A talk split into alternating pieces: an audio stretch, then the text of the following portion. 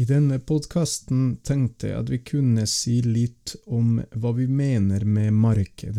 Eh, I forbindelse med, med studiet skal du skrive en forretningsplan, og der er det et kapittel hvor du må beskrive markedet.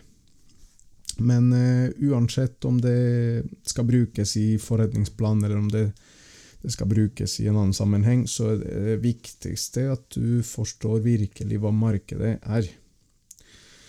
Uh, så her gir vi en grunnleggende, uh, grunnleggende definisjon av det. Hvis du tenker på et marked, så kommer selve ordet fra det mest grunnleggende. Altså når vi ser for oss et fysisk marked, hvor du finner kjøpere og selgere. Og på samme måten eh, fungerer alle markeder. Alle markeder har to sider. Tilbud, en tilbudsside og en etterspørselsside. Det som ofte er vanskelig, er å finne eller å, å, være klar over hvilket marked man egentlig opererer i. Og for å, for å finne ut av det, så må du tenke på hva du selger, eller hva bedriften din selger. Eh, og da starter du med et enkelt eksempel. Hvis du f.eks. selger biler, da opererer du i bilmarkedet. Hvis du da selger biler i Trondheim kommune, så driver du i bilmarkedet i Trondheim kommune.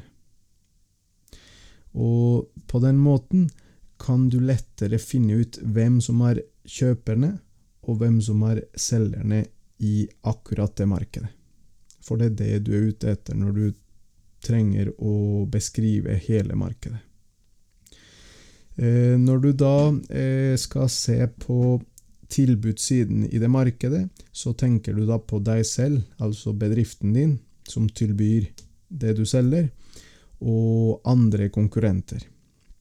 Og da kan man gjerne sette opp en enkel konkurrentanalyse, hvor man ser på sterke og svake sider eh, ved sine viktigste konkurrenter.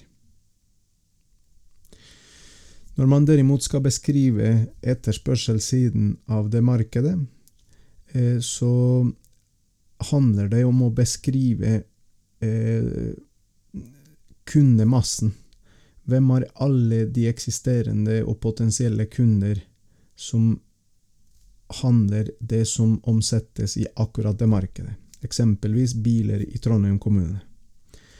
Eh, det er da viktig at du segmenterer markedet, at du deler inn markedet i mindre eh, delgrupper, altså mindre kundegrupper, som har felles trekk. Det er altså disse segmenterings, segmenteringskriteriene vi har snakket om. Demografiske, psykografiske og andre typer kjennetegn. Poenget er at du sitter igjen med grupper som har fellestrekk, og fellestrekk som er nyttige for deg for å kunne legge opp en strategi som gjør at, uh, at bedriften din blir attraktiv for dem.